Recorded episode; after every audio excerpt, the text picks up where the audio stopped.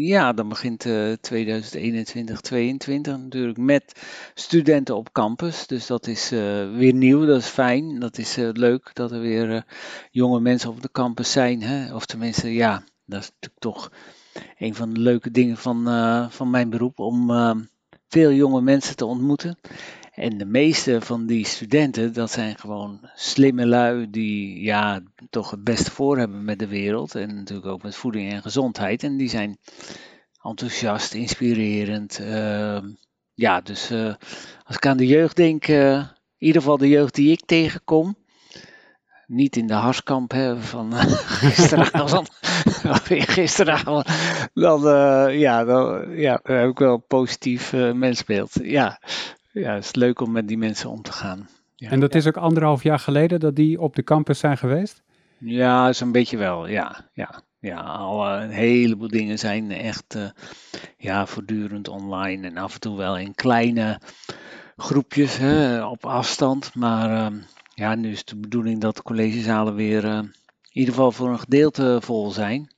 Mm -hmm. En ja, dat is wel heel fijn. Het is toch veel fijner om ik vind het wel fijn om voor een collegezaal te staan en dan hè, met je hele lichaamshouding daar... Uh, Wat interactie te hebben, dat, nou als, dat die mensen stoïcijns voor zich uitkijken. Ja. Oké, ik vind het of heel saai, of ik vind het heel leuk dat je juist die, die uh, interactie hebt, bedoel je? Ja, ja, ja, ja, ja. En dat is, nou ja, dat is gewoon fijn om, uh, om dat weer te hebben.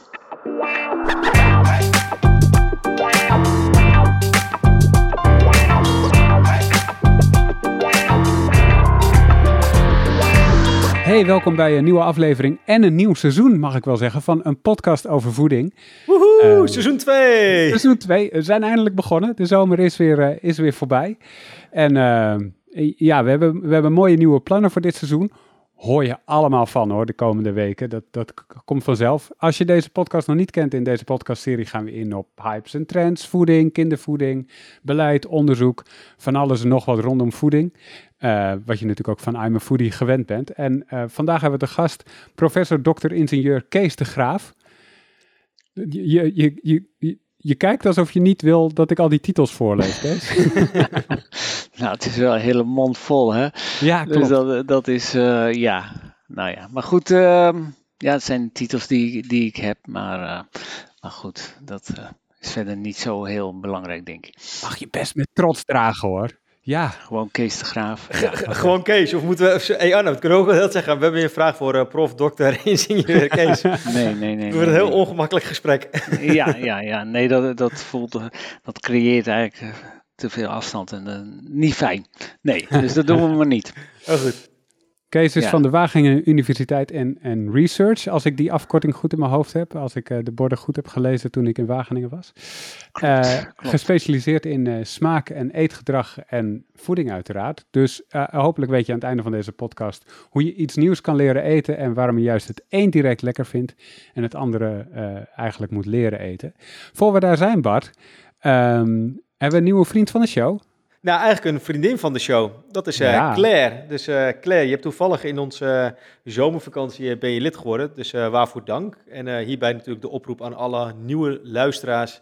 mocht je dit een leuke show vinden of je wil de shows natuurlijk nog even terugluisteren uit seizoen 1, kan dat natuurlijk gewoon heel makkelijk via je uh, podcast-app, zoals uh, iTunes of uh, Spotify of Google Podcast. Maar dan kan je natuurlijk ook naar vriendvandeshow.nl slash POV gaan. Dan kan je namelijk gewoon een donatie achterlaten. En op die manier kunnen we deze hele leuke show in stand houden. Dan kunnen we gewoon seizoen 3, 4, 5 en 6 ook gewoon nog gaan maken. Dus dank Claire en alle andere vrienden van de show. Yes, en Kees, dan beginnen we waar we in seizoen 1 ook elke aflevering uh, begonnen, namelijk bij de grootste voedingsfrustratie van de afgelopen tijd. Uh, heb je iets uh, daarvoor? Nou, wat, wat wel um, een grote frustratie is van mij wanneer je het hebt over voeding, is dat er bijvoorbeeld heel sterk wordt geageerd tegen bijvoorbeeld bewerkt voedsel. Mm -hmm. dat, dat is ja, wordt gesuggereerd dat alle bewerkte voedsel dat dat uh, eigenlijk niet goed is. En uh, ja, dat vind ik eigenlijk wel een hele, nou ja, vind een onzinnig verhaal. Ik denk dat eigenlijk bijna 100% van onze voeding uh, bewerkte producten zijn. Ook als je. En mensen hebben natuurlijk het heel, ja, vaak een heel romantisch beeld van uh, als je een appel koopt, dat dat uh, s morgens door iemand wordt geplukt en dan de volgende dag naar de markt wordt gebracht en dan uh, wordt gekocht. Hè, maar ook groente en fruit is natuurlijk, dat zijn vaak high-tech producten. Ook al zijn ze niet bewerkt, zogenaamd. Vertel, dus- wat is daar dan, wat is daar high-tech aan en wat is daar, hoe, hoe, hoe waarom zou je dat toch ook wel enigszins bewerkt kunnen noemen? Want dat proef ik uit je woorden eigenlijk. Nou, bijvoorbeeld tomaten, hè? Dat, was, uh, hoe heet het, uh, tien jaar geleden of vijftien jaar geleden had je, noemde de, de Duitsers uh, onze tomaten wasserbombes. Ja. Dat, dat, was natuurlijk geen compliment, omdat er gewoon kraak nog smaak aan zat en ze vooral waren geoptimaliseerd op, op uiterlijk. En, maar wat je nu ziet is dat er eigenlijk Bij de meeste supermarkten is er een paar meter schapruimte voor verschillende soorten tomaten.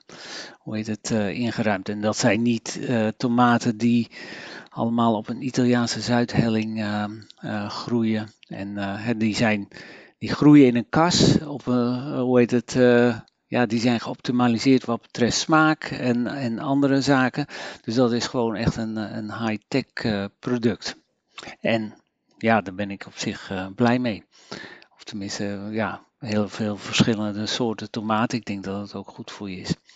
Maar dat, dat, maar mag, als ik even mag vragen, Kees, want als je, ehm, dat is jouw frustratie dat iedereen zijn mond vol heeft dat ultra-processed foods, dat, dat, dat het daar vaak over gaat dat je dat links moet laten liggen. Is dat een frustratie of, of, of is het zo dat je het breder trekt, dat je eigenlijk over ja, groente en fruit, dat je dat eigenlijk ook onder datzelfde kopje nu schaart? Want dat zou ik op zich best wel opmerkelijk vinden. Nou, ik denk dat dus uh, veel groente en fruit inderdaad ook uh, high-tech producten zijn. En dus uh, in die zin zou je dat ook bewerkt kunnen, kunnen noemen. Maar wat, wat, wat mij. Je hebt natuurlijk 50 jaar voedingswetenschap en dat is begon eigenlijk heel ruw. Met hele grove indelingen. Ja, en na 50 jaar komen we nu weer opnieuw met een, uh, met een statement van ultra-processed is, uh, is slecht. Nou ja, dat, dan heb ik ook wel het idee alsof de geschiedenis van de voedingswetenschap 50 jaar terug wordt uh, gebracht omdat natuurlijk binnen die categorie heb je inderdaad denk ik, heel veel slechte voedingsmiddelen, suikerhoudende dranken, heel energiedichte, zachte voedingsmiddelen waar je natuurlijk heel snel van overconsumeert en waar je snel dik van wordt. Maar er zijn ook producten die, ja, waarvan ik denk, nou, die zijn helemaal niet zo slecht. Dus uh, ja. Vertel, wel, wat voor producten zijn dat? Welke, welk bewerkt voedsel is wel uh, goed voor de gezondheid? Uh, nou, bijvoorbeeld volkorenbrood uit de, uit de fabriek. Ja. Voor mij is dat, uh, is dat prima. Uh, ik denk, uh, nou, sommige soorten jus d'orange uit, een, uit een pakje. Volgens mij is daar ook niet, of dan moet je denk ik wel beperkt houden. Dus ik, ja, uh, een, een, een cream of een, eh, een, een cracker, hè, volkoren cracker die ook uit de fabriek komt. Dus om nou stelselmatig alles wat uit de fabriek komt, om dat te veroordelen, dat, uh, dat lijkt me niet terecht. Want bijna al ons eten komt uh, daar vandaan uiteindelijk. Ja, ja. Maar er zit dus met name in een nuance dat de ene, wat, zo begrijp ik hem in ieder geval van andere voedingswetenschappers, wie we ook hebben, die we te gast hebben gehad, dat die met name scharen onder ehm, chips en bijvoorbeeld uh, Snickers, Mars, uh, dat soort bewerkte producten, dat ze dat daar met name onderzoeken, oftewel al het snoepgoed. Dat ze dat zien als ultraprocessed. Maar jij ziet al de gezonde variant eigenlijk ook als ultraprocessed, maar alleen dan de gezonde variant. Ja, ja, nou die vallen daar ook onder. En ik denk dat je moet denk ik, als wanneer je het hebt over overgewicht, dan moet je zoeken naar de, de oorzaak van, de, van het overgewicht en naar de eigenschappen van voedingsmiddelen die daar uh, ja, mee samenhangen. En uh, voedselbewerking is natuurlijk gewoon een, een, een, een gereedschap. Hoe heet het? En zo'n gereedschap kun je denk ik op heel veel manieren gebruiken. En je moet ook niet vergeten, of nou, nou ja, om daar aan toe te voegen. Wij zijn natuurlijk mensen, omdat we begonnen zijn met het bewerken van voedsel. de, onze menselijke evolutie hangt heel sterk samen met bijvoorbeeld het uh, ontstaan van vuur en ook het uh, koken van, uh, van ruwe voedingsmiddelen, zodat zetmeel en energie snel beschikbaar komt. En dat, maar goed, dus uh, bewerken van voedsel is zo oud als de mensheid zelf, letterlijk. Dus ik denk niet dat het verstandig is om dat, uh, ja, om dat te zeggen dat dat verkeerd is. Of in, ieder, in, ieder, geval over één kant te scheren. Sommige dingen zijn natuurlijk wel inderdaad uh, verkeerd. Klinkt alsof het, alsof het een kwestie is van woordgebruik, meer dan dat je van mening verschilt met anderen over wat nou precies gezond is. Het is meer van welk woord je daarvoor gebruikt om het onderscheid te maken. Nou, niet helemaal. Omdat, omdat dus, uh, hoe heet het, uh, in discussie over ultra-processed foods wordt er onderscheid gemaakt tussen brood wat je bij de bakker koopt en brood wat, uh, hoe heet het, uit de fabriek komt, een grootschalige productie. En ik denk niet mm. dat daar principieel een verschil in hoeft te zijn wat betreft gezondheidswaarde. Dus ik yes. vind, ja. Maar goed, dat is. We gaan het hebben over smaken en uh, smaaksturing. En, uh, ja, ja, ja, maar dat is wel uh, is natuurlijk een heel hot item. Maar ja, nou, dat, dat, dat is voorlopig nog niet klaar. Interessante discussie inderdaad. Hoe, hoe, hoe ben je er eigenlijk bij gekomen om je te specialiseren in, in, in smaak en aanverwante voedingszaken? Um, ja, dat is voor een deel toeval. Um, ik ehm, heb voeding gestudeerd. Ik was geïnteresseerd in meer de psychologische aspecten van voeding, dus voedselkeuze, eetgedrag. Was ik al vanaf mijn jeugd in uh, geïnteresseerd, in ieder geval de biologie van gedrag. Van uh, hoe komt het nou dat mensen zich op een bepaalde manier gedragen? Ook bij dieren vind ik dat heel, heel interessant. daar heb ik dus mijn MSc in, in Wageningen gedaan. Toen daarna heb ik een, een reis gemaakt door Zuidoost-Azië en toen uiteindelijk wist ik wel wat ik wilde daarna. En dat was onderzoeker worden. En toen ben ik eigenlijk teruggegaan naar begeleid, mijn begeleider van mijn afstudeervak. Mhm. En uh, die was bezig met uh, een model om de zoetheid van mengsels van suikers te voorspellen. En ja, er was eigenlijk niemand die daarin geïnteresseerd was. En uh, ik kwam terug van mijn reis en nou, ik wou aan het werk. En toen zei hij van, nou, hier, uh, hier kun je aan werken. uh, het levert niks op, maar uh, nou ja, toen ben ik daaraan gaan werken op de, op de universiteit. En een jaar later is dat omgezet in een, in een AIO-plek. en toen ben ik gepromoveerd en eigenlijk in datzelfde gebied blijven hangen. En het past ook heel wel, maar heel mooi bij het onderwerp van biologie van gedrag. Ja. Omdat dat, ja, het is natuurlijk dus eh, het is eigenlijk voor een deel toeval, maar voor een deel uh, past het ook helemaal in uh, wat ik van oorsprong al heel erg boeiend vond.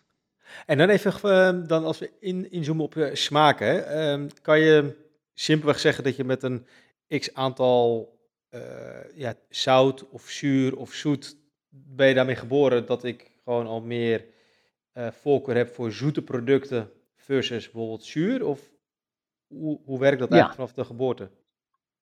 Ja, als een baby uh, geboren wordt en uh, je geeft hem suikerwater, dan vindt hij dat heel fijn. Mm -hmm. En uh, dat gaat er gelijk in als, als zoete, koek. koek. Ja, ja. UPF. Geen zure koek, hè? Ja, ja. Dus dat, ja, de, je voorkeur voor zoet is aangeboren, dat is fijn, dat is prettig, dat is, geeft een, een, een goed gevoel. Ehm ik denk voor zout dat ontstaat iets later, maar iedereen heeft ook een voorkeur voor, uh, voor zout. Dat heb je natuurlijk ook nodig.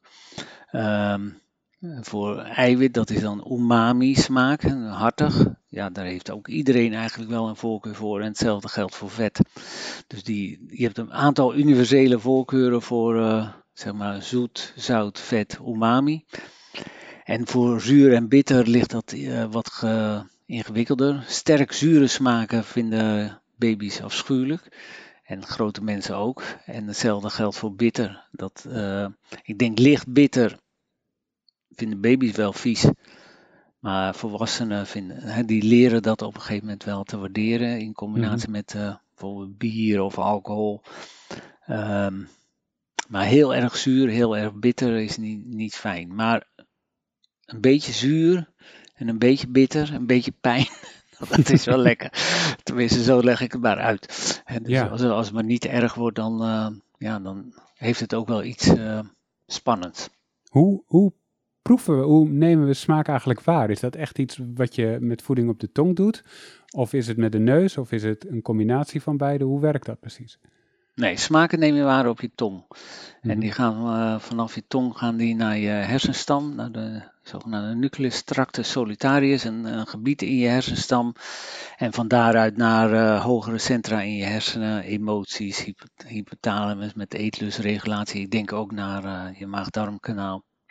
Ehm, dus smaak is echt op je tong, ook nog wel een paar andere gebieden, je gehemelte, eh, maar de tong is daar verreweg het belangrijkste voor. En, eh, ja, dus.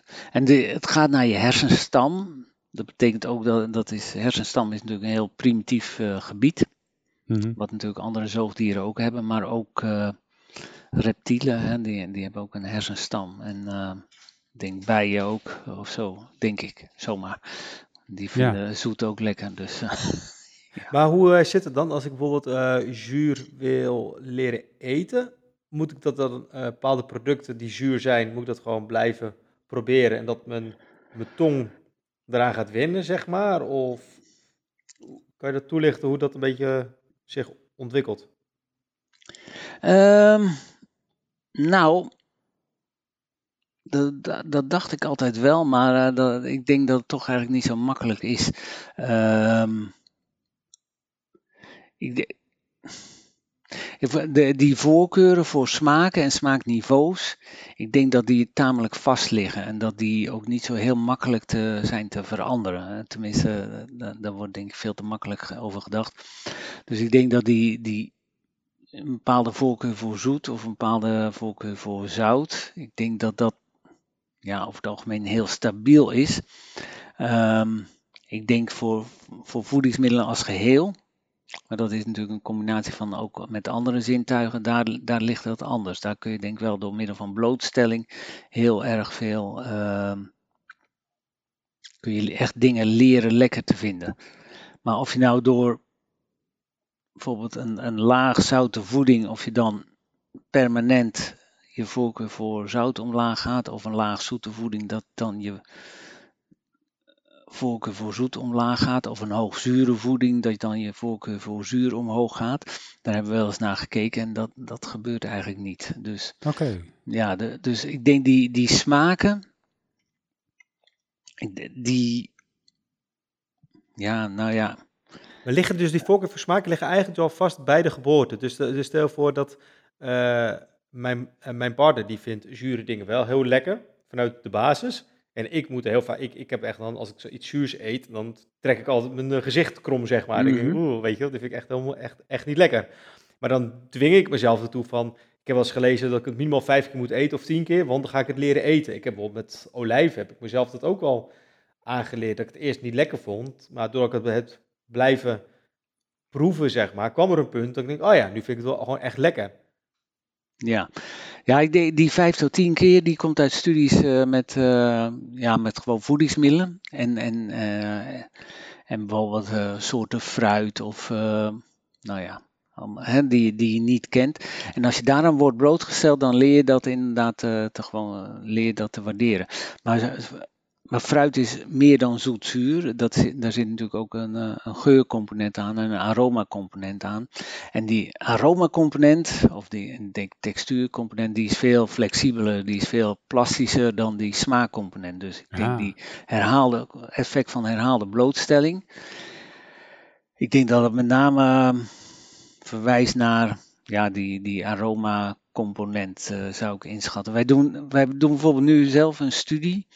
Eh, vroeger hebben we ook al een studie gedaan bij, eh, bij kinderen, waarbij we kijken of we naar of bijvoorbeeld een blootstelling aan hoogzoete voeding of aan een laagzoete voeding, of dat leidt tot verandering in voorkeur voor zoet. Ehm, en ik weet het antwoord daarop nog niet. Ik denk eigenlijk van niet. Want het, ja, nou ja, ik kan- kan ook, als je bijvoorbeeld, eh, ik zie je wat bedenkelijk kijken, Bart. Of, uh, Ja, nou, ik, ik- kijken. ja. Wat- dat is even mijn denkhoofd. Maar ik was even aan het Ja. denken, wat, eh, wat bedoel je met hoogzoet of laagzoet? Misschien heb je daar een concreet voorbeeld eh, bij. Nou, bijvoorbeeld weet een, een, een hoogzoete voeding is bijvoorbeeld eh, een voeding waarbij ongeveer de helft van eh, de eh, energie afkomstig is van zoete producten. Dus dan, dan nou ja, eet je, hè, dan eet je zoet ontbijt, uh, zoete lunch, uh, zoete snacks. Uh, nou, het meeste is echt zoet. En laagzoete voeding zit eigenlijk bijna geen, geen zoetheid in. Mhm. er is een paar jaar geleden is één studie verschenen daarna. En die vond wel dat je, je waarneming van zoet werd beïnvloed. Maar niet dat de voorkeuren werden beïnvloed. Dus het was eigenlijk, en net zoals nou ja, 15 graden in de zomer is, is koud. En 15 graden in de, in de winter is warm. Dus als je een laag zoete voeding hebt, ja, dan springt iets zoet springt er heel erg uit. Dat wel.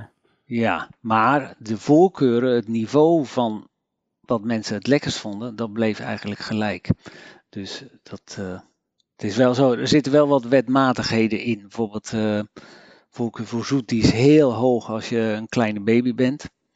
En die gaan eigenlijk systematisch omlaag uh, tot jonge volwassenheid. Dus die voorkeur die neemt, neemt ook wel af. En dat zie je ook in het gedrag. Baby's die hebben veel hogere bijdrage van suiker aan hun energieinneming dan volwassenen. Dus dat is, uh, ja. Uh, ja, en, en, ja, en dat is denk ik heel voorstelbaar. Dat is, je ziet inderdaad dat dat vrij consistent is bij mensen. Ik heb ook één zoon die ja, nou dat interesseert hem niet uh, als iets zoets is. Dus die vindt chocola ook niet heel bijzonder. Maar de andere juist weer, uh, wel. En ik ook. Dus uh, dat zijn wel consistente patronen in mensen. In hoeverre je dat kunt veranderen, dat is denk ik nog een, echt een vraag. Van, en dat, ja, er wordt altijd van uitgegaan dat dat heel makkelijk is, maar dat geloof ik niet. Waarom zou je het willen veranderen eigenlijk? Is daar een goede reden voor? Nou ja, je hebt natuurlijk in, in, ehm, de societal, hè, in het maatschappelijke narratief is het natuurlijk wel zo dat uh, gesuggereerd wordt dat de voorkeur voor zoet samenhangt met, uh, met overgewicht. Dus als je heel veel zoet eet, dat je dan dik zou worden. Maar nou ja, dat klopt in ieder geval niet. Oh. dus dat, dat, ja, daar is al eindeloos veel werk naar gedaan. En dat is kennelijk een heel sterke intuïtie van mensen mm -hmm. om die link te leggen. Uh, maar ja, dat, ja, dat is al 60 keer onderzocht en 60 keer, uh, ja, klopt dat niet. Dus wow. dikke mensen eten niet meer zoete producten dan dunne mensen. Dit is echt voor het eerst dat ik dit hoor. Ik ben best wel verbaasd, want ik heb die veronderstelling, kennelijk had ik die onbewust ook. Want zoet, dat is snoep, dat is koek, dat zijn dat soort dingen. Maar, uh, en daarom, ik denk dat daar de associatie vandaan komt. Maar er klopt dus helemaal niks van. nee, nee. Nee, vol, nee, naar mijn idee niet. Eh, wat, wat denk ik wel heel duidelijk is, is dat uh, consumptie van suikerhoudende frisdranken, dat dat leidt tot overgewicht. Ja. En daar, daar is denk ik heel veel evidentie voor. En dat, uh, ja. Uh, maar wij, ja, er zijn best wel veel studies gedaan naar bijvoorbeeld echt voedselvoorkeuren van ook grote populaties. En, en wij hebben zelf ook gekeken naar zeg maar, de inneming van uh, producten met verschillende smaken. En dan zie je dat overgewicht eerder gerelateerd is aan hogere consumptie van zeg maar, hartig vettige producten mm-hmm. dan met, uh, met zoete producten. Dus die, die hartig vettige dimensie, en dan kun je denken aan uh, broodjes, gehaktballen, dat soort uh, spul. En, en de junkfood in, in die richting, ja, mm-hmm. daar, daar zien we eerder een associatie dan met, uh, met zoete producten. Oké, okay. oh, dat klinkt eigenlijk ook wel weer logisch. Dat als je ja. daarvan houdt, dat het, dan, uh, ja. dat het dan harder gaat met je gewicht. Ja, ja. maar het is, ja, wat, wat, nou ja, wat voor mij in de discussie met zoet vaak wordt vergeten, is dat als je, als je veel zoete dingen eet, ja, dat je daar eigenlijk ook genoeg van krijgt. Mhm. Als ik jou zou vragen om een dag lang alleen maar zoete producten te eten. Nou, dat, dat, wordt echt niet gezellig. dus dat, dat, dat is gewoon ook niet fijn. Dus je, je krijgt daar genoeg van. Mhm. En uh, ja, dus de, de beloningswaarde van zo'n zoet product gaat achteruit. Ja. Hoe zit het eigenlijk met, met de eetsnelheid en de rol van smaak? Is daar, zit, zit daar iets van, van zeg maar, wat is, wat is een goede snelheid om dan te eten om het goed te kunnen proeven? Laat ik het zo vragen. Um, Ja, nou ja, ik denk wanneer je het hebt over overgewicht, dat eetsnelheid daarin inderdaad een grote rol speelt. En dan ook uh, blootstelling aan smaak. Het is een beetje als je een appel eet, Mhm. dan, uh, ja, dan neem je natuurlijk een hap, en dat kauw je. En dan word je eigenlijk constant blootgesteld aan de smaak van die, uh, van die appel. En dat is natuurlijk Ja. zoet. Als je appelsap drinkt, ja, dan, dan klok je dat uh, achterover. En dan is de blootstelling aan smaak is maar een fractie van wat je bij die appel hebt. Dus het is relatief heel makkelijk om een uh, kilo, hoe heet het, appelsap op te, op te drinken. Ja, Vergeleken bij een, uh, een kilo appels. ja want dan moet je dus nog de hele tijd doorkouwen en dat kost heel veel tijd. En met Ja. appelsap is dat natuurlijk minder. Ja, en, da- en dat gaat ook echt tegenstaan. Of tenminste, ik probeer zelf wel eens twee appels te eten. Mhm. Ja, dat vind ik helemaal niet leuk. Ja, dat, dat, dat, daar, krijg je, daar heb je moeite mee. Ja. En hoe zit het eigenlijk met de, met de, met de met, met geurbeleving? Is zoiets als het water staat me in de mond, is dat, is dat aangeboren of is dat ook iets wat, eh, wat, wat geconditioneerd is eigenlijk? Nee, ik denk dat dat, eh, dat is ook wel iets wat eh, aangeboren is.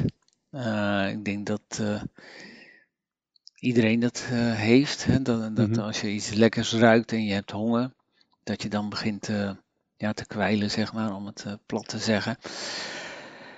Ehm, dat gebeurt ook wanneer je bloot wordt gesteld aan een zure smaak. Mhm. Vooral een zure smaak, eh, dat eh, levert heel veel speekseluitscheiding eh, op. En dat, ja, dat is natuurlijk om je lichaam voor te bereiden op het innemen van, van eten. Dus je, ja, Maar het is daadwerkelijk een soort van fysieke, fysieke reactie op het feit dat er zuur aankomt. ja, ja, Wauw. ja. En dat, zelfs als je, zijn studies gedaan waarbij je, hoe heet het, eh, waar mensen zich moeten voorstellen dat ze een citroen eten. en dan beginnen, ook, dan beginnen mensen ook te, te, ja, te kwijlen. Ja. Speeksel uit te scheiden, om het netjes te zeggen. Ja. Dus, Kun eh, jij, kun jij heel hard denken aan een citroen, Bart? Nou ja, eigenlijk wel, maar ik, eh, ik ben niet echt een fan van eh, citroen. Dus eh, er gebeurt weinig eh, bij mij op dit moment. Het is wel zo dat ik Dan wel... alleen je gezicht krom. Ja, nee, ja, nee maar ik, ik ben echt dus een zoete kou. Dus dat, eh, ik ben serieus, als, als we naar een restaurant gaan of zo, kijk ik serieus altijd eerst naar, naar het dessert, om te kijken of ik daar een variant tussen zie die ik, oh, dat vind ik echt heel lekker. Meestal is dat eh 6 uit 6, dat ik eigenlijk alles lekker vind, dat ik het liefst eigenlijk achterstevoren ga eten. Maar dan kijk ik daarna pas wel naar het voor- en hoofdgerecht of zo, of alleen hoofd. Ik denk, nou oké, dan eh, kies ik dat. Vind ik ook lekker natuurlijk, maar met name het einde. En ik ben echt wel, echt wel dat ik denk van, ja, volgens mij kan je me s'nachts altijd echt wel wakker maken. Gewoon echt heerlijk taartje of iets zoets of... Nee, daar ga ik echt op als de brandweer. Ja. Dat, eh, dat vind ik gewoon... nou ja. Is, iets mi- iets, is, er, is er iets mis met mijn Kees? Nee, nee, volgens mij niet. Maar hoe, hoe komt zoiets dat er bepaalde dingen zijn, los van smaken zelf, hè, dat er bepaalde dingen zijn die we onmiddellijk lekker vinden en andere niet? Die staan ons helemaal tegen. Hoe kan dat?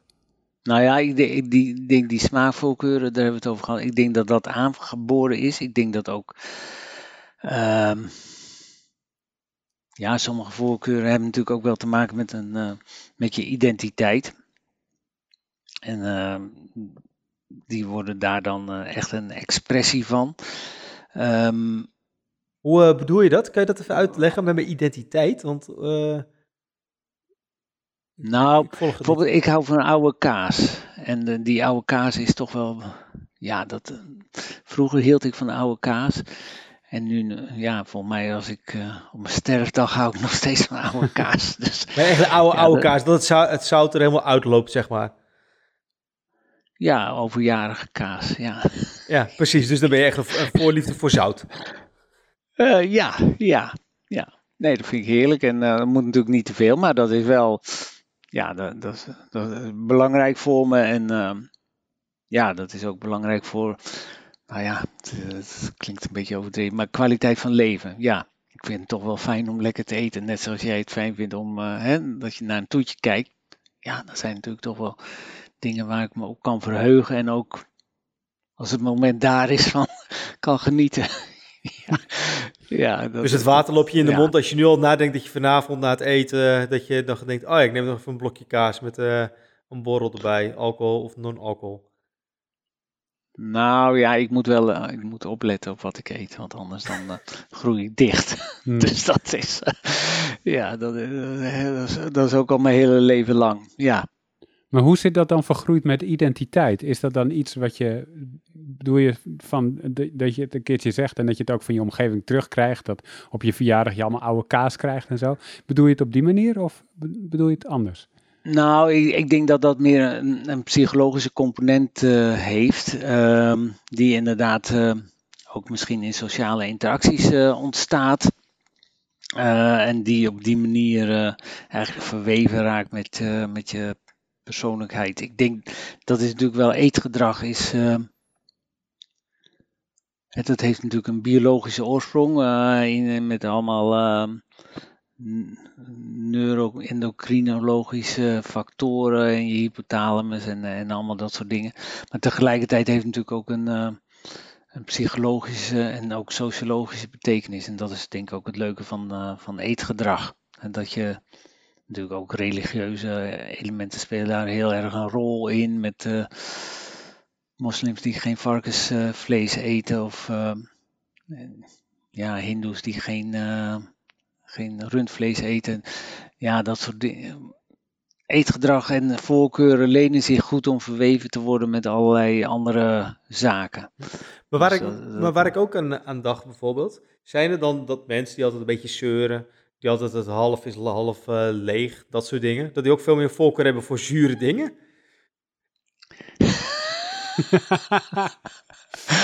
Uh, nou, dan nou, wat wel zo is, en dat hebben we wel een keer echt onderzocht, uh, is dat uh, voorkeur voor zuur, voor zuur bij kinderen. In ieder geval, dat zijn de kinderen die, dat zijn ook sensation seekers. Dus ongeveer, ik denk, jaar of 15 geleden onderzocht bij een proefschrift over zoet en zuur.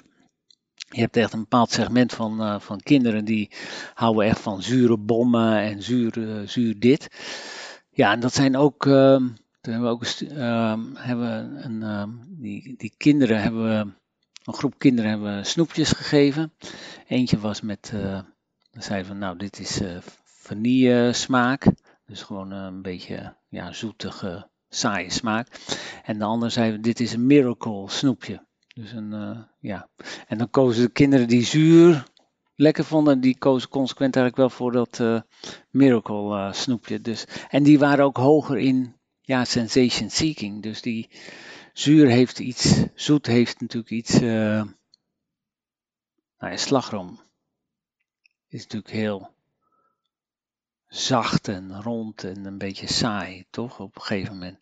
Terwijl mm -hmm. zuur is natuurlijk veel scherper en spannender op een gegeven moment, denk ik. Ja, je bent duidelijk geen uh, thrillseeker, Bart. nee, uh, nou ja, misschien ben ik een rare uh, combinatie, maar uh, nee hoor, met uh, slagroom, dan kan je heel veel lobbige, lekkere, crème-achtige dingen maken hoor. Dat, ja. ja. maar qua, qua is, is, het, is, is slagroom arousing, naar jouw idee? Dus ja, wat, wat, uh, wat uh, bedoel je? Uh... Ik denk, zure producten die zijn vaker, denk ik, worden geassocieerd met, met scherp en met, ja, dan, dan zoet. Zoet zou je, denk meer met, met ronde, zachte dingen in. Hm. Tenminste, dat is in ieder geval de associatie die in studies wordt gelegd. Ja. Maar nog even, zij staat, ja. ja. sorry, nog even, met de kinderen. Want ik had ook wel eens begrepen dat je ehm, bittere groenten, bijvoorbeeld paprika of broccoli, is wel een beetje bitter volgens mij als je dat voor de eerste keer een beetje eet, zeg maar. Of dat is een beetje, kan een bittere bijsmaak hebben. Dat dat juist vanuit, ja, uh, niet anatomisch gezien, maar vanuit biologie misschien gezien van, oké, uh, dat heb je natuurlijk in, in de natuur, dat je dan gelijk iets hebt van, oh ja, bitter staat voor gevaar. Omdat heel veel bessen en zo ook allemaal bitter zijn of die giftig zijn. Klopt dat verhaal of mm. niet? Of is dat, heb je daar een andere nou, de, die aversie voor bitter, die wordt daar wel uit, uit verklaard. Ik denk dat. Uh, wat je ziet is dat kinderen in ieder geval tot anderhalf jaar heel vaak uh, groenten wel accepteren of allerlei groentes accepteren. En wat je ziet is na 18 maanden of uh, eh, 18 maanden, 2 jaar, dat dan uh, zeg maar een soort neofobie ontwikkelt. Dan hangt samen met dat kinderen gaan leren lopen en zelf, zelf producten uit hun omgeving kunnen pakken. En dan zie je dat er een weerstand ontstaat tegen allerlei producten.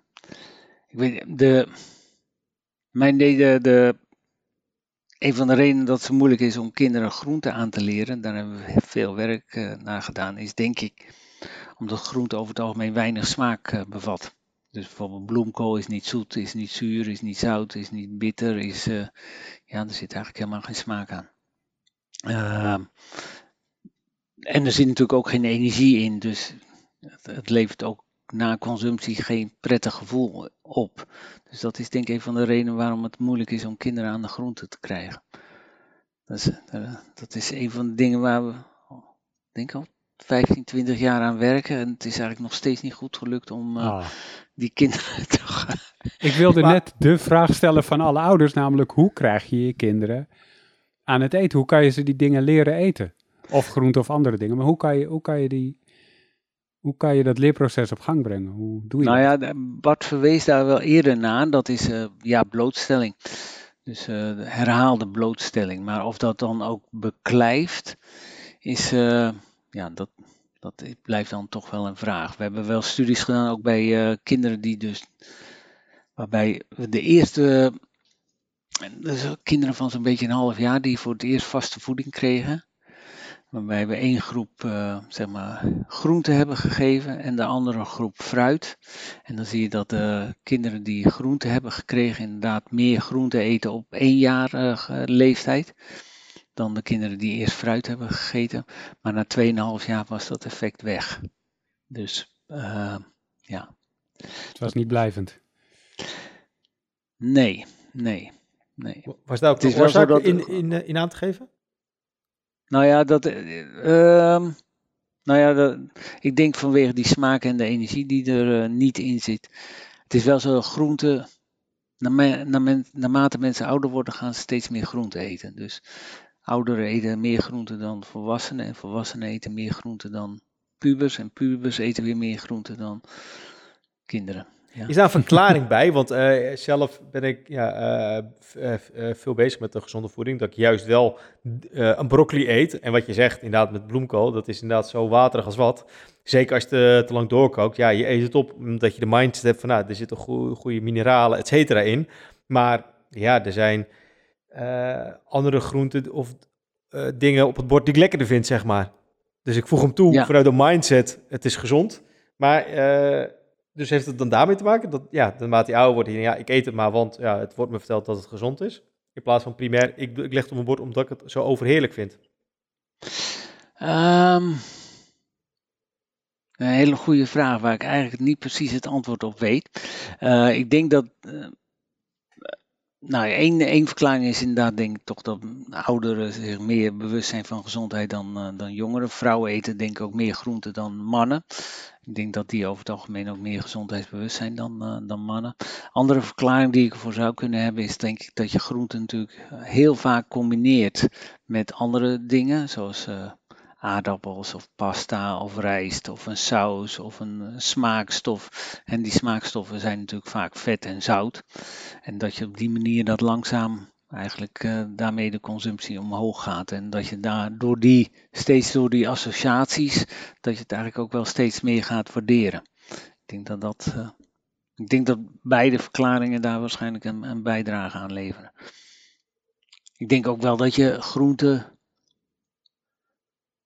ja, dat is volgens mij wel de sleutel tot veel groente eten. Dat is uh, iets eraan toevoegen wat, wat, het, wat het aangenaam maakt. Bijvoorbeeld een curry of een uh, ja, nou ja, of tomatensaus of nou ja, iets, uh, iets aan toevoegen wat denk ik niet veel energie bevat, maar het wel lekker maakt. Maar ik, ik heb er voor rest geen verstand van hoor. Misschien moeten we zo iemand een keer in de show uitnodigen. Maar ik heb wel het idee dat bijvoorbeeld de punt paprika alweer zoeter is dan zeg maar gewoon de rondere paprika. Zodat ze vanuit die productie al daar al misschien al een beetje mee bezig zijn. Waardoor Ehm, ja. een handje uh, snacktomaatjes. Ja, die zit ook bij zo'n kwaliteitsverschil in. Of het nou biologisch is of van een bepaald merk. Dat je denkt, hé, hey, er zit echt wel smaakverschil in. Dat je denkt, hé, hey, die ene, die kan ik bij wijze van spreken net zo dooreten als uh, een zak M&M's bijvoorbeeld.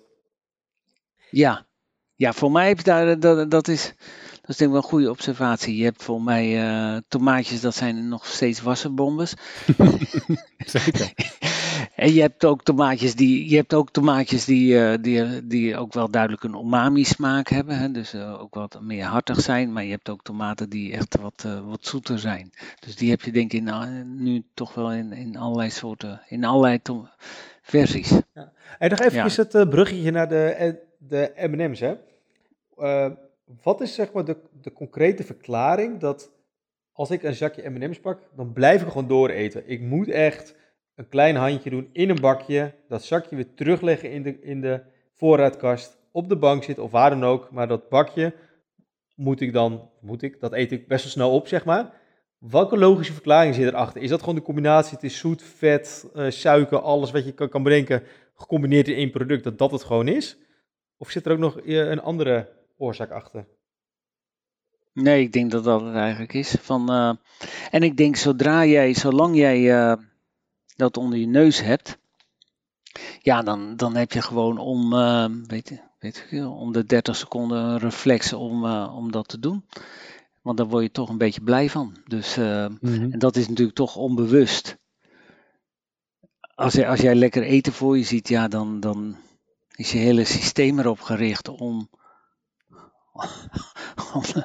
om dat naar binnen te werken. Om dat naar binnen te werken, omdat het natuurlijk toch een fijn gevoel geeft om, uh, om even dat op je tong te hebben. Dus uh, ja, dat, dat is ook een strategie die ik wel toepas als ik lekker zit te eten en het wordt duidelijk te veel voor uh, wat goed voor me is. Ja, dan schuif ik het bord van me af en dan stop ik er een glas tussen. zodat ik dan toch die, die, die geautomatiseerde reactie, denk ik, om, uh, om die te, te doorbreken. Ik denk dat, ja, dat, dat, ja. Ik denk, die, die smaak geeft toch een korte, fijne prikkel. Ja. Het omgekeerde bestaat ook, hè? dus dat er voedsel is dat je, ik weet nog, ik heb ooit iets gegeten, doperten, en daarna werd ik ziek, had niks met die doperten te maken. Desondanks uh, als ik nu dopwetter ruik, denk ik, eeuw, kan niet weer ziek worden. Hoe, hoe, hoe, kom je daar dan vanaf? Of is dat ook weer iets wat dan in de hersenen komt te zitten en waar je, waar je eigenlijk uh, voor altijd aan vastzit? Nou, niet voor altijd, maar wel een tijd. nee, dat is, uh, hoe heet het, het is wel zo dat die, wat je, waar, je, waar jij naar verwees, is een, is een voedselaversie. Dus dat is echt dat je iets eet, daarna moet je ook misselijk worden. Uh, en dan, uh, dus moet in je maag-darmkanaal zitten en dan wordt die link gelegd tussen zeg maar de smaak, of de, met name het aroma, denk ik, en, uh, en die sensatie. En ja, dat is een geconditioneerde voedselaversie die. de meeste mensen hebben daar maar één of twee van, een hoop mensen hebben dat ook niet. Mm -hmm. Ik geloof dat twee derde van de bevolking dat wel heeft voor één of twee producten. En er is wel eens onderzoek naar gedaan en dat is dan na. Gemiddeld na 20 jaar uh, gaat het over. Oh, dat is eigenlijk wel lang.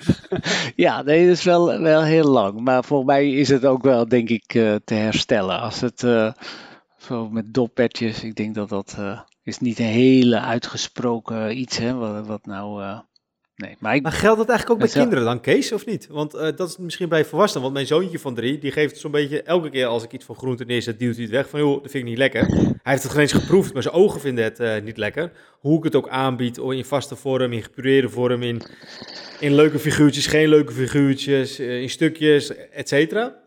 heeft hij dan al op jonge leeftijd een bepaalde aversie gecreëerd voor alles wat groente betreft? Of zit er een groot verschil in tussen een, een, een jong kind of een uh, volwassen persoon zoals uh, Arnoud? Ja, ik denk, die uh, voedselaversie waar Arnoud over heeft, dat is echt gelinkt aan, aan blootstelling en misselijk worden. Dus dat, dat is dan is een eenmalige blootstelling is ook, ook voldoende. Ze hebben eerste studies zijn daarbij gedaan met ook met, wel met kinderen die, die kanker hadden en die chemotherapie kregen. En die hebben ze voor, net voor die chemotherapie, waar ze misselijk van werden, hebben ze, hoe heet het, ijsjes gegeven met, met maple syrup uh, smaak, met een hele specifieke smaak. En de meeste van die kinderen die waren daarna voor jaren, hoefden ze geen ijsjes meer met, uh, met maple syrup. Hm. Dus uh, ik heb zelfs zoiets met een Solero gehad, met tropische vruchtensmaak. Vind ik nog steeds niet lekker. Is ook al meer dan twintig jaar geleden. maar, dus die, die, die kinderen en groenten, dat is denk ik echt iets anders. Dat is, uh, dat is geen geconditioneerde smaakaversie. Tenzij ze inderdaad uh, echt heel misselijk zijn geworden van, uh, van de consumptie van. Maar dan zou het ook één bepaalde groente zijn. En, en ja. het is altijd. Maar heb je, maar heb je nog tips voor Arnoud? Hoe hij toch weer kan starten met zijn doperten in plaats van die 20 jaar afwachten? nou ja, ik denk ehm, als je honger hebt of, en het uh, mengen met, uh, met andere producten. Dus dat je dat uh, op een gegeven moment uh, dopperten kun je natuurlijk ook begraven in een kaassaus of in appelmoes. en dan, nou ja, op die manier ja, maar zo kun je alles le uh, lekker maken. Dat als je inderdaad iets hebt en je vindt die uh, bloemkool niet lekker en je gooit er een, een bak mayonaise over en ketchup en al dat soort dingen. Ja, dan kan, ik me ook wel voorstellen dat ik, nou, die bloemkool was best lekker. Maar ja, Kijk, je hebt net ontdekt hoe je je nou, kinderen groenten kan leren eten, Bart. Ja. Ja. Nou ja, dat is natuurlijk wel de strategie die wordt toegepast hè, om, uh, om groenten te leren eten. Hè, appelmoes toevoegen of kaas of, uh, of andere dingen. Maar de, nee, ik denk dat je dat ik denk gewoon opnieuw proberen en dan merken dat het, uh, ja, dat het, dat je er niet misselijk van wordt. En dat het wel goed bevalt. Dat is, uh, ja. En met welke, welke studies uh, ben je nu bezig eigenlijk? Nou, we zijn één studie bezig, die had ik net toegelicht over die zoetheid. Hmm, dat vind ik wel een hele belangrijke vraag van, gaat die voorkeur voor zoetheid, verschuift die nou als mensen of een hoogzoete voeding of een laagzoete voeding krijgen. En ook wat is het effect van zo'n hoogzoete voeding of laagzoete voeding op uh, hoeveel mensen eten. Um, ik denk een heel belangrijke vraag van. Uh, ik denk dat het eigenlijk niet uitmaakt voor energieinnemingen, ook niet voor lichaamsgewicht, of nou hoogzoet is of laagzoet. Ik denk dat het eigenlijk geen, uh, geen verschil aan maakt. Een ander, ja, een ander gebied waar we heel druk mee bezig zijn is te kijken naar textuur. Kunnen we voedingsmiddelen zodanig ontwikkelen dat ja, dat je eigenlijk minder van eet in plaats van meer. Ja. Maar toch, dus kunnen we nou voedsel zo ontwerpen dat een vastere textuur heeft, dat je bijvoorbeeld het langer in je mond houdt en dat daardoor je ook ja, zeg maar, smaakstoffen beter proeft en daardoor ook uh, beter verzadigd raakt. Dus dat, dat, ja, ik denk. En wat je natuurlijk ziet in een uh, drie sterren restaurant, dan kun je heel goed eten. Um, maar dan eet je toch niet te veel. Maar je geniet natuurlijk wel heel erg. Dus nou ja, dat is een beetje de richting waar we aan denken met food designers. En, maar hoezo, uh, hoe, ik nog even, um, en wat is, het, wat is de trigger van zo'n onderzoek dan? Want uh, jullie zijn geen voedingsproducenten. Ik kan me voorstellen dat al die commerciële voedingstypes ook hiermee bezig zijn. Maar die willen juist ervoor zorgen dat je bepaalde smaak hebt, dat je er meer van gaat eten. Jullie doen precies het tegenovergestelde. Maar ja. als je dan straks je uitkomst hebt, hoe je, dat, hoe je DNA hebt van hoe het perfecte product gemaakt moet worden. En dan? Wat, ja, wat, wat, is, wat is de relevantie erbij? Nou ja, je hoopt dat. Uh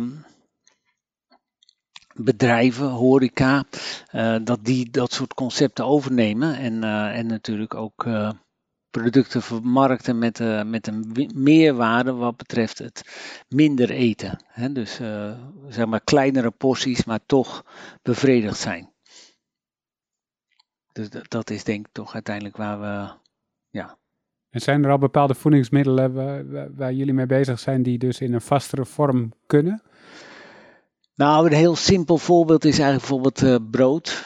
Ja, we hebben een tijdje geleden een studie gedaan met, uh, met verschillende soorten broodjes. Hè. Uh, slappe broodjes met een slappe korst of harde broodjes met een harde korst. Of ja, wat precies hetzelfde is qua samenstelling. En dan zie je gewoon broodjes met een harde korst. Daar eten mensen, die eten met kleinere hapjes.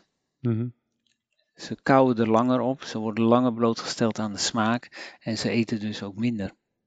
Dus ik denk, nou ja, dat zijn eigenlijk voorbeelden waar, uh, we hebben ook een keer, uh, heb ik met een uh, food designer, een kunstenares, Katja Gruiters, hebben we een pop-up restaurant georganiseerd en een aantal principes geprobeerd om uit te zoeken hoe je nou mensen met behulp van food design minder in plaats van meer kunt eten. En een van de dingen was bijvoorbeeld ook met een, met een broodje, was één conditie met een gewoon broodje en een ander broodje was helemaal opgeblazen.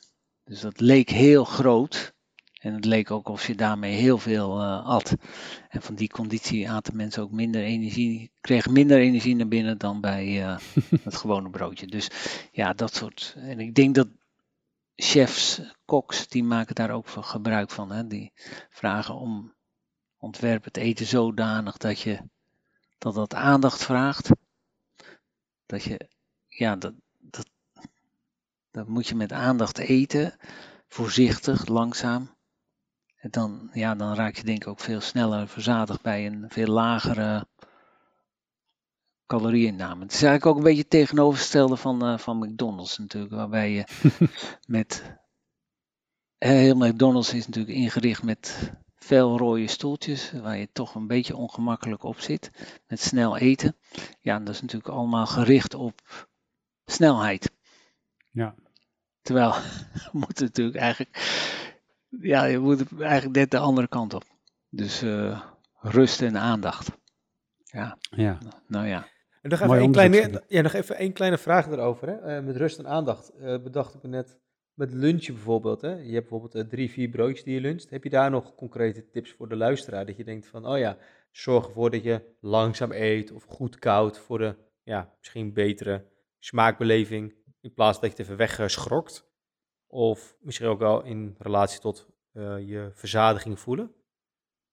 Ja, nou, ik zou zeggen, neem de tijd. Hè? En uh, dat is natuurlijk een heel, heel oud advies, maar ga niet achter de computer zitten of ja, ga niet wandelen terwijl je.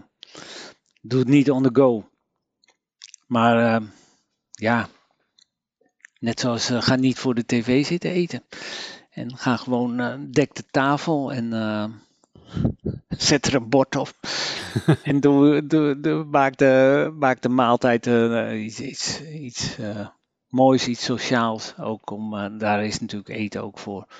En, dus, en doe dat ook met de lunch, zou ik zeggen. Dat is wel, zo, wel zo leuk.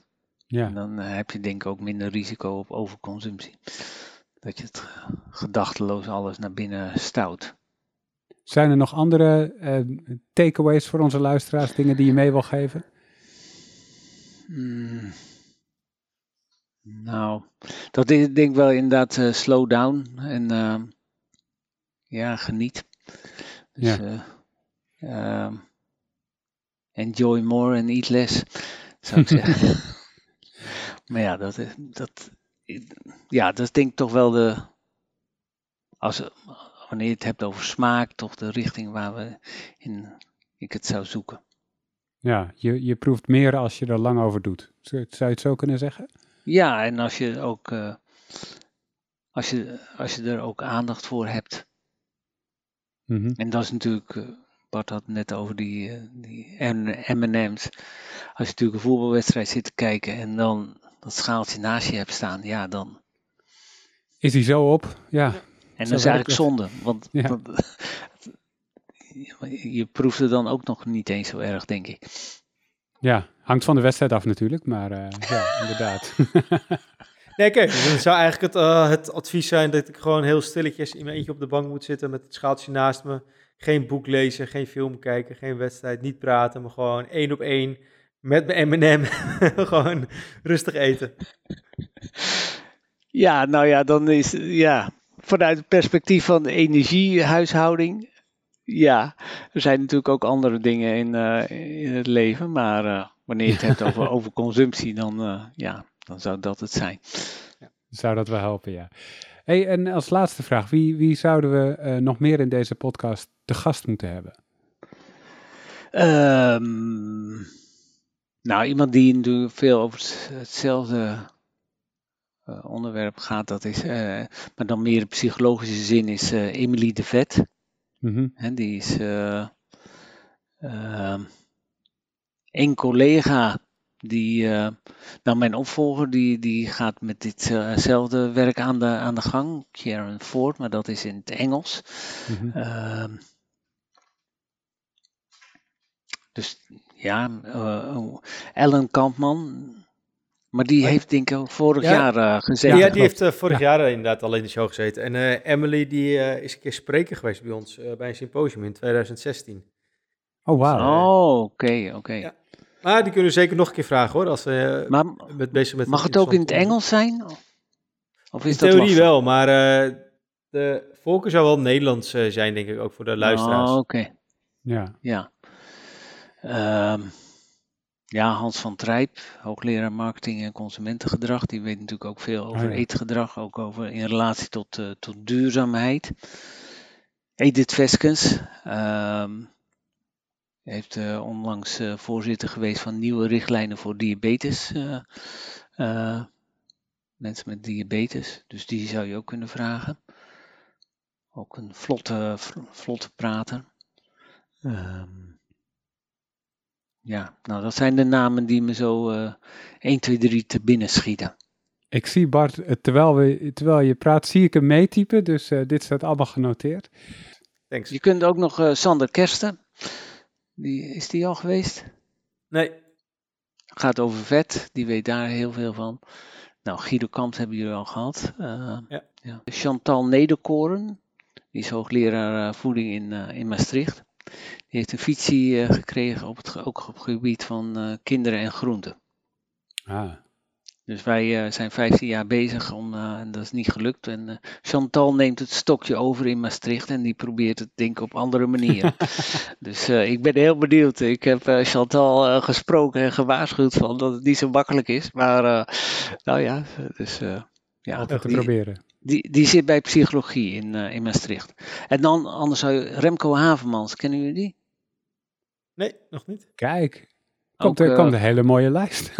hoogleraar uh, jeugdvoeding en youth food and health. Dus jeugd, voedsel en gezondheid. er zit de campus in, in Venlo.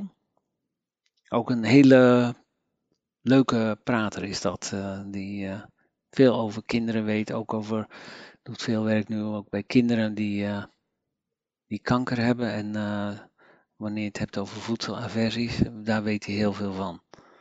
Dus ook een, uh, ja, leuke, leuke vent is dat. Oké, okay, cool. Thanks. Ja. We kunnen seizoen 3 alvast plannen volgens mij, Bart. is, er, is er nog iets vanuit uh, I'm a Foodie, Bart, wat je onder de aandacht wil brengen aan het eind van deze uitzending? Ja, nou eigenlijk wel. Ik uh, wil eigenlijk alvast even een soort van de pre-pre-order al van ons nieuwe kinderboek wil ik uh, ja, hierbij al kenbaar maken. Dat waarschijnlijk gaan we in oktober gaan we starten met de pre-order. En dat is boek nummer 6 in de boekenserie I'm a Foodie Presents. En dat gaat vanaf de fase van geboorte, dus van borst slash kunstvoeding tot en met uh, twee jaar. Dus uh, hard aan de, de slag met schrijven met een paar mensen uit ons team. En dat wordt dan een beetje de opvolger van uh, ja, Eten als een expert zwanger. Dat gaat van zwanger worden en zwangerschap. En dan is dit een vervolgboek eigenlijk. En ja, daarin gaan we dus eigenlijk ook uh, in over eten met uh, kinderen en hoe je dat best kan doen. Introductie van ehm, ei en eh, pinda's, et cetera. dus nee, het is een heel leuk en relevant boek, denk ik. Dus daar zijn we nu hard mee aan de slag. Dus ik zal ook de link in de show notes zetten dat als je op de hoogte wil worden gehouden, klik even op de link, laat je gegevens achter en je gaat mee in de, de nieuwsbrief. Yes. Nou, als je deze podcast leuk vindt, geef ons uh, sterretjes in uh, Apple Podcast, de enige app waar het kan. Je kan natuurlijk ook luisteren in Spotify, Google Podcast, Pocketcast, wat je ook maar gebruikt om je podcast te luisteren. Kan je abonneren, krijg je afleveringen automatisch in je feed. Dankjewel Kees dat je er vandaag was. En uh, dankjewel voor het luisteren als je hebt geluisterd. En tot volgende keer. Hey, en nou, Arnoud, nog, Arnoud, nog even voor de laatste. Uh, moeten we al een teaser doen, of niet? Dat we ook uh, een nieuwe rubriek hebben in uh, seizoen 2. Met de debunken. met Rob. Moeten we dat al zeggen of nog niet? Hmm, als je dat wil zeggen, dan heb je dat nu gezegd.